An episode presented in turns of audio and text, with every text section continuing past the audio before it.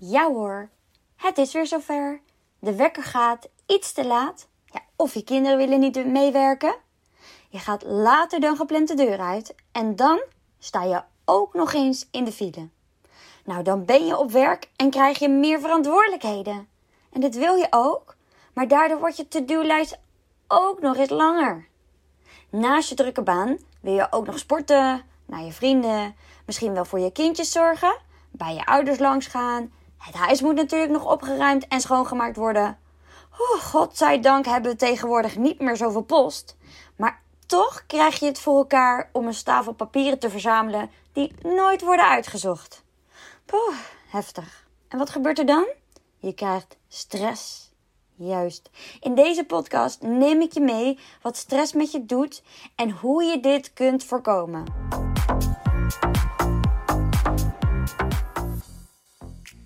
Superleuk dat je weer luistert naar een nieuwe podcast. Het is nog steeds super lekker weer. Dus ik hoop dat als jij dit luistert, dat ook nog steeds is. Want dat doet ook heel veel met ons humeur natuurlijk. Ik ben nu met een aantal mensen gestart in mijn nieuwe traject. Zet jezelf in zes maanden op de eerste plek. En ik vind het geweldig om te zien met wat voor drive ze dit traject starten. Er is zoveel commitment. Ze voelen echt heel sterk dat ze al die negatieve gedachten niet meer willen. En het nodig is om actie te ondernemen. Vaak merk je wel dat, dat je op zo'n punt bent. Dat je bijvoorbeeld slecht gaat slapen. Dat je veel onrust ervaart en piekert of dat je fouten gaat maken op je werk. Of je vergeet heel veel. En mega gestrest voelt gewoon. En dan is het echt tijd voor hulp. Als je dan verantwoordelijkheid neemt voor dat gevoel, dan kies je echt voor je geluk, echt voor liefde en echt voor jezelf. En ik merk dat veel mensen nog blijven hangen in de stress. Uit angst dat ze bijvoorbeeld gaan falen. Of um, je wilt het eerst gewoon zelf even proberen. Alleen daarmee verlies je zoveel tijd. Want wat ik in de afgelopen tien jaar heb geleerd, is niks in vergelijking met wat ik de afgelopen twee jaar heb geleerd met hulp erbij. En ook hoor ik wel eens dat mensen het moeilijk vinden om bijvoorbeeld tijd of geld te investeren. Alleen je beseft niet dat je hier ook heel veel tijd en geld mee wint. Omdat je zo in je kracht gaat staan, kun je veel beter voor jezelf opkomen in je werk, waardoor je beter gaat presteren en vaak ook meer kunt vragen in je salaris bijvoorbeeld. En daarbij, misschien ga je wel een hele andere baan hebben straks, waar je veel meer gaat verdienen, omdat dat eigenlijk iets is wat je heel graag wilt doen, maar waar je nu de angst voor hebt. En wat is geld waard als je niet gelukkig bent? Ja, en juist door dit traject creëer je dus ook meer tijd. Door meer ruimte in je hoofd te krijgen. Want al die negatieve gedachten gaan uit je hoofd. Je hebt daarom geen stress meer. Want daar gaat deze podcast over. Als je meer wil weten over dit traject, ga nog even naar www.lean-forward.nl slash coaching. Of ga even naar mijn Insta profiel, lean-forward. En dan zie je de link in bio. Super tof. Maar stress. Je kunt stress dus zien als een reactie op een bedreigende situatie. Maar wat is nou eigenlijk bedreigend? Ja, parachutespringen zou bijvoorbeeld voor mijn partner super vet zijn. Hij heeft ook al 80 sprongen erop zitten. Maar zal voor iemand bijvoorbeeld met hoogtevrees echt verschrikkelijk zijn. Of een seminar geven voor een grote groep is voor sommige mensen echt een interessante uitdaging, waarin het voor de ander echt een mega nachtmerrie is. Of iets stressvol is, hangt volgens de boeken dan ook af van de vraag hoe iemand een situatie inschat. Of je dit als schadelijk of bedreigend ervaart. Het is maar net hoe je kiest ermee om te gaan. Alleen dit voelt nooit als een keuze. Maar wat doet stress nou met je lichaam en je brein? Want wanneer er een stressvolle situatie is, zet ons brein twee systemen in werking, waaronder het sympathische zenuwstelsel. En dit zorgt bijna onmiddellijk voor de vecht- en vluchtreactie, die ons lichaam klaarmaakt voor actie. Dus daarin gaan onze spieren, ja, die spannen zich aan en onze bloeddruk die verhoogt en je hartslag gaat omhoog, waardoor je je hart voelt bonzen, misschien wel in je borstkast en ja, je pupillen verwijden, zich. Dat is wel de meest extreme vorm van stress. Je spijsvertering gaat op een laag pitje. Misschien herken je ook wel dat je soms makkelijk aankomt. Dat kan ook door stress komen. En daarbij ga je vaak nog zweten. Waardoor je van die vlekken krijgt in je t-shirt, weet je wel. Lekker zo. Uh, van die, dat vond ik altijd verschrikkelijk. Dat je dan zo'n t-shirt aan hebt en dan van die grote vlekken onder je oksels zat. Heel fijn. Not. Nou, het systeem is zo afgesteld dat het liever te vaak afgaat dan één keer te weinig. We schikken ons liever tien keer van een tuinslang in het gras dan dat we één keer te laks reageren op een echte slang. Ja, niet heel gek toch? Na enkele minuten in een stressreactie komt dat tweede systeem in werking. De hypofyse is een kliertje onder, in ons brein, wat net zo groot is als een ert. En die geeft onze bijnieren de opdracht om cortisol te produceren. En cortisol heeft als stresshormoon een hele slechte naam, maar het is ook heel erg nuttig. Het laat namelijk de bloedsuikerspiegel stijgen en de stofwisseling een tandje bijzetten. En daardoor komt er meer energie vrij om met de stressvolle situatie om te gaan. En dat, als je dan beide stressreacties hebt, dan uh, compenseert het natuurlijk weer het sympathische zenuwstelsel, wat juist weer de spijsvertering verlaagt. Beide stresssystemen zijn super nuttig, omdat ze ons in staat stellen om in noodsituaties op de juiste manier te handelen. Het probleem is dat ons mensenbrein de stresssystemen niet alleen activeert wanneer we niet goed uitkijken met oversteken en er bus op ons afkomt. Nee, dankzij ons bewustzijn reageren we ook eh, op bedreigingen van meer psychische aard. Dus ja, het is natuurlijk heel fijn als in jouw systeem je kind terugtrekt als die wil oversteken terwijl er wat aankomt. Of dat je zelf wil oversteken en er wat aankomt. Maar ja, daar sta je dan, hè. Haast, met haast in de file. Nog even terug te komen op de introductie. Helemaal voorbereid voor de meeting die je om 9 uur hebt. Terwijl je geen kant op kunt. Of tijdens een vergadering waar jij een presentatie moet geven voor de directeur en alle NT-leden. Terwijl jij super gespannen bent en zwetend en met een bonzend hart je verhaal vertelt. Want ja, vluchten is niet in alle gevallen mogelijk. Je kent het vast wel wanneer je zo'n gestreste dag gehad hebt, dat je er dan niet tegen kan dat je partner of, um, of een vriendin ook nog van alles zit te mopperen en klagen op wat je misschien wel bent vergeten of wat je nog moet doen. Dan is gewoon alles te veel. En dan maak je dus van een muis een olifant. Want al die gedachten, ja, die kun je dan niet meer overzien. En te veel en te lang stress kan je zelfs letterlijk ziek maken. Daarom is het belangrijk om stress aan te pakken. Maar terwijl we nieuwe uh, relax- en meditatie-apps proberen en de sauna bezoeken en lekkere massages nemen, vergeten we vaak het belangrijkste element en dat is onszelf onderzoeken. Want veel stress komt uit diepere overtuigingen. Die overtuigingen kun je zien als het aangeleerde plaatje over wie je bent en wat je kunt en hoe je leven eruit ziet of misschien wel zou moeten zien. Deze ideeën ontstaan in samenspel met je omgeving, al sinds je kindertijd. Dus door je ouders, door leraren, etc. Ze worden sterk beïnvloed door wat je meemaakt. De mensen dus om je heen en ook de maatschappelijke ideeën.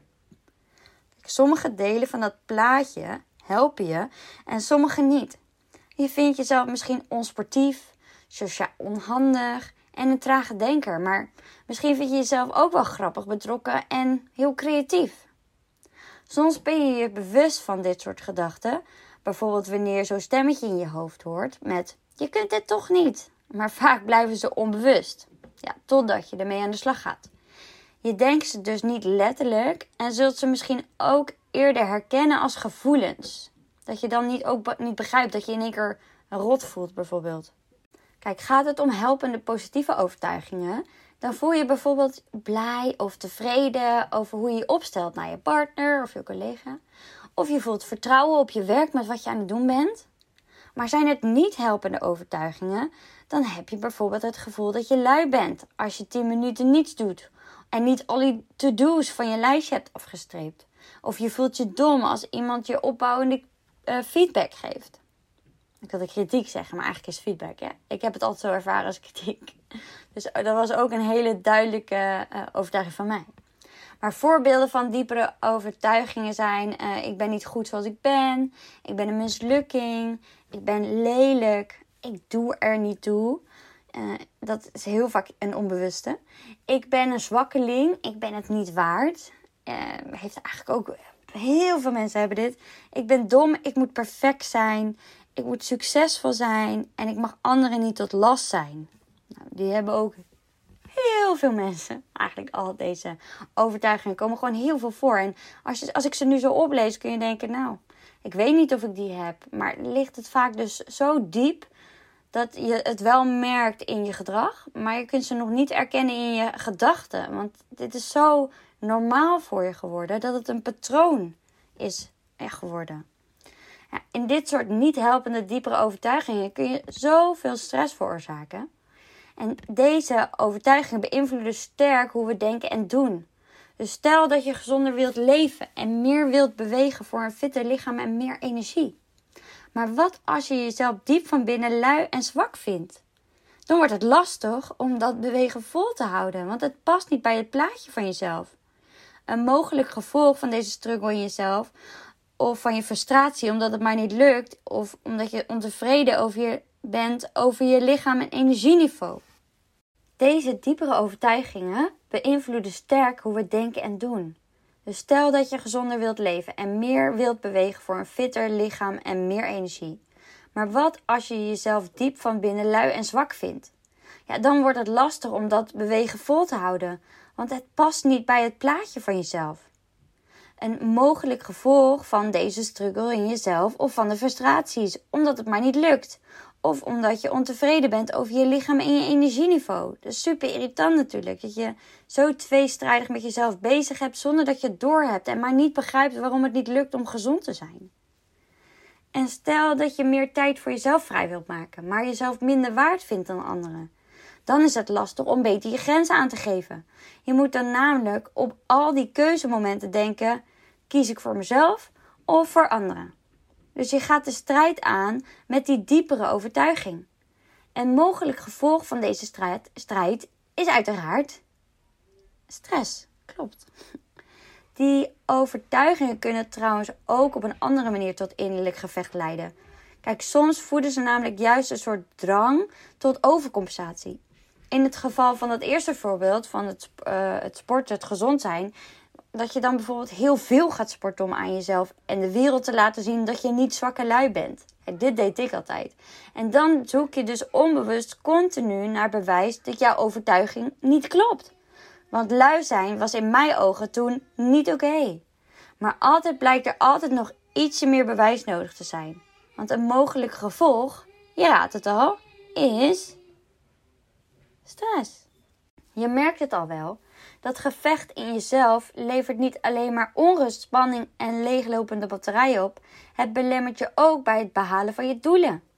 Voor wie is het gemakkelijker om een fijne relatie te vinden? Iemand die gelooft liefde waard te zijn of iemand die dat niet gelooft? En wie boekt meer resultaten op werkgebied? Iemand die gelooft dat fouten maken betekent dat ze leert of hij leert en groeit? Of iemand die gelooft dat betekent dat hij zij niet goed genoeg zijn? Dan heb ik nog een voorbeeld. In het voorbeeld uh, is de overtuiging: ik ben het niet waard. Nou, dan komt er een gedachte: ik moet er altijd voor anderen zijn, zelfs ten koste van mezelf. Dan komt er een situatie: iemand nodigt je uit voor een verjaardag, maar je hebt eigenlijk geen zin. Stress? Ja, hier is de stress. Want je twijfelt en je piekert. En je gaat toch naar die verjaardag omdat je niemand wil teleurstellen. En mist dat avondje voor jezelf om op te laden. Dus eigenlijk baal je, dat is het gevolg. En het kost je energie. En dat frustreert je weer.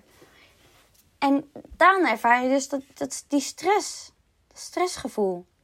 We hebben nog een voorbeeld. Bijvoorbeeld, uh, ik mag geen fouten maken.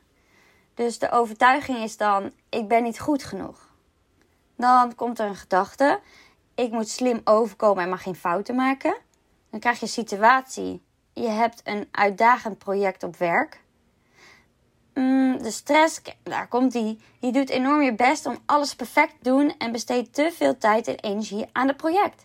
En daardoor heb je thuis minder tijd en energie over voor je privéleven, waardoor je extra spanning krijgt. Dus je voelt ook angst om fouten te maken. En merk je dat je toch iets fout hebt gedaan, dan baal en pieker je daarom. Dus nog meer stress. Stress, stress, stress. Irritant. Dus wil je minder stress, onderzoek je overtuigingen. Wil je een begin maken om je bewustwording te vergroten rondom je overtuigingen, dan gaan deze vragen je helpen. Dus zorg ook dat je elke keer even een pauze inlast om over die vragen na te denken. En misschien wil je wel zelfs uh, pen en papier erbij pakken om deze vragen te beantwoorden. Welke kritische stemmetjes hoor jij vaak in jezelf? Over wat je wel of niet moet doen. Of wat je wel en niet mag doen. Of wat je wel of niet kunt. Dan is de tweede vraag: waar wijs jij jezelf om af? Welke gedachten, emotie of gedrag kun je het slechtst hebben van jezelf? En wat voor kind was je? Of moest je zijn van je ouders? Moest je juist thuiskomen met goede cijfers? Of had je dat niet? Moest je er uh, mooi uitzien? Moest jij van jezelf het sterkste kind van de klas zijn? Altijd braaf zijn? Welke overtuiging heb je misschien uit deze ervaringen meegenomen? Neem één levensgebied waarin je stress ervaarde. Bijvoorbeeld in je werk, relatie, je gezin, vrije tijd, je gezondheid, je vrienden. Wat is een mogelijke niet helpende overtuiging die deze stress veroorzaakt, verergert of je tegenhoudt om iets aan deze stress te doen? En controleer dan je antwoord met de vraag die hierna gaat komen.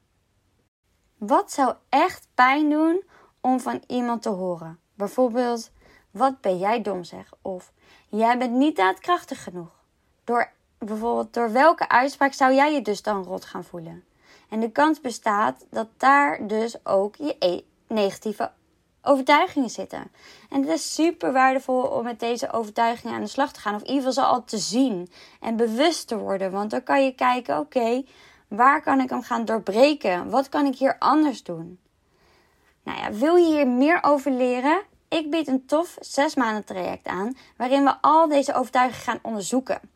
Zodat deze overtuigingen niet meer als waarheid voelen. Want het is nu een gedachte geworden die je als waarheid bent gaan aannemen. Wat jouw waarheid is. Maar dat hoeft niet zo te zijn dat het iemand anders waarheid is.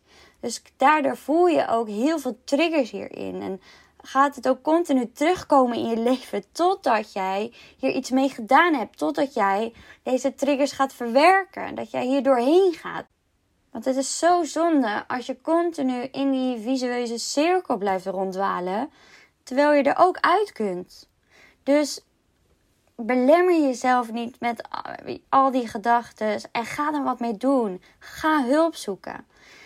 Je weet het, mijn website is www.lean-forward.nl slash coaching. Maar ga gewoon op zoek naar iemand waar jij je goed bij voelt. Waar jij mee connect. Dat is het allerbelangrijkste. En dan ga jij helemaal voor jouw beste leven. En ik ben ook heel benieuwd wat je van deze podcast vond. En wat jouw antwoorden zijn op deze vragen. Welke overtuigingen heb jij allemaal? Dat gaat mij ook enorm helpen. Want daarvanuit kan ik nog betere content maken op Instagram. En me ook daarop gaan richten om jou nog meer ook daar te gaan helpen. Dus laat mij weten waar je allemaal tegenaan loopt. En hoe je deze podcast ervaren hebt. Je mag het altijd delen. Want op die manier kan je, kunnen we nog meer mensen bereiken. Dus ook, weet je, deel het op Instagram. Zou ik super, super, super vet vinden. En tag mij of niet, wat jij zelf wilt. En um, ja, laten we gewoon contact hebben. Ik wens je nog een hele fijne dag. Doei!